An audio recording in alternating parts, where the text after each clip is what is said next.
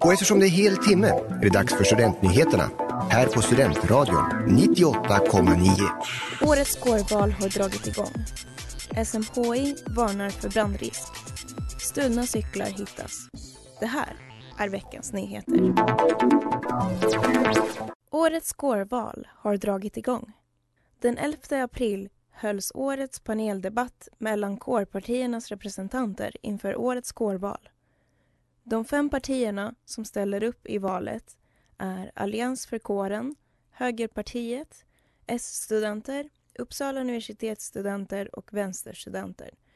Debatten hade 14 åhörare och Ergo beskriver debatten som en språngbräda för bitvis väl inövade svar och politiska gillringar mot de andra partierna.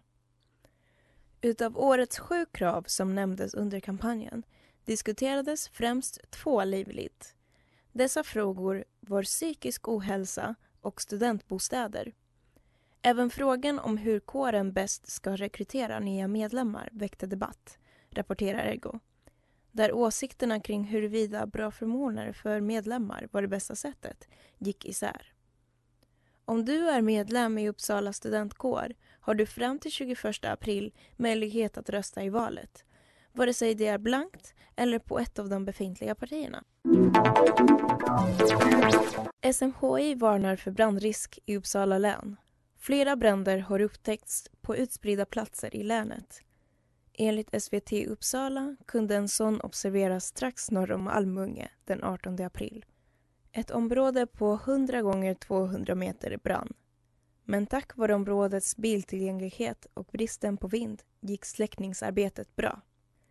Ett par timmar senare kom ytterligare två larmer. Strax söder om Norrtälje inträffade en brand med en kraftig början och stor rökutveckling. Och även under söndagen tog fem till sex markbränder plats i regionen.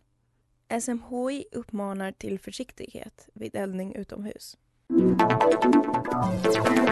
En 45-årig man har gripits efter att polisen hittat diverse stöldgods i den misstänktes hem bland annat 30 cyklar. Polisen kunde enligt SVT utföra husrannsakan tack vare ett vittne som rapporterade mannen för stöld. Du har lyssnat på nyheterna i Studentradion 98,9 som producerades av mig, Jessica Fernandez och Rut Bruse.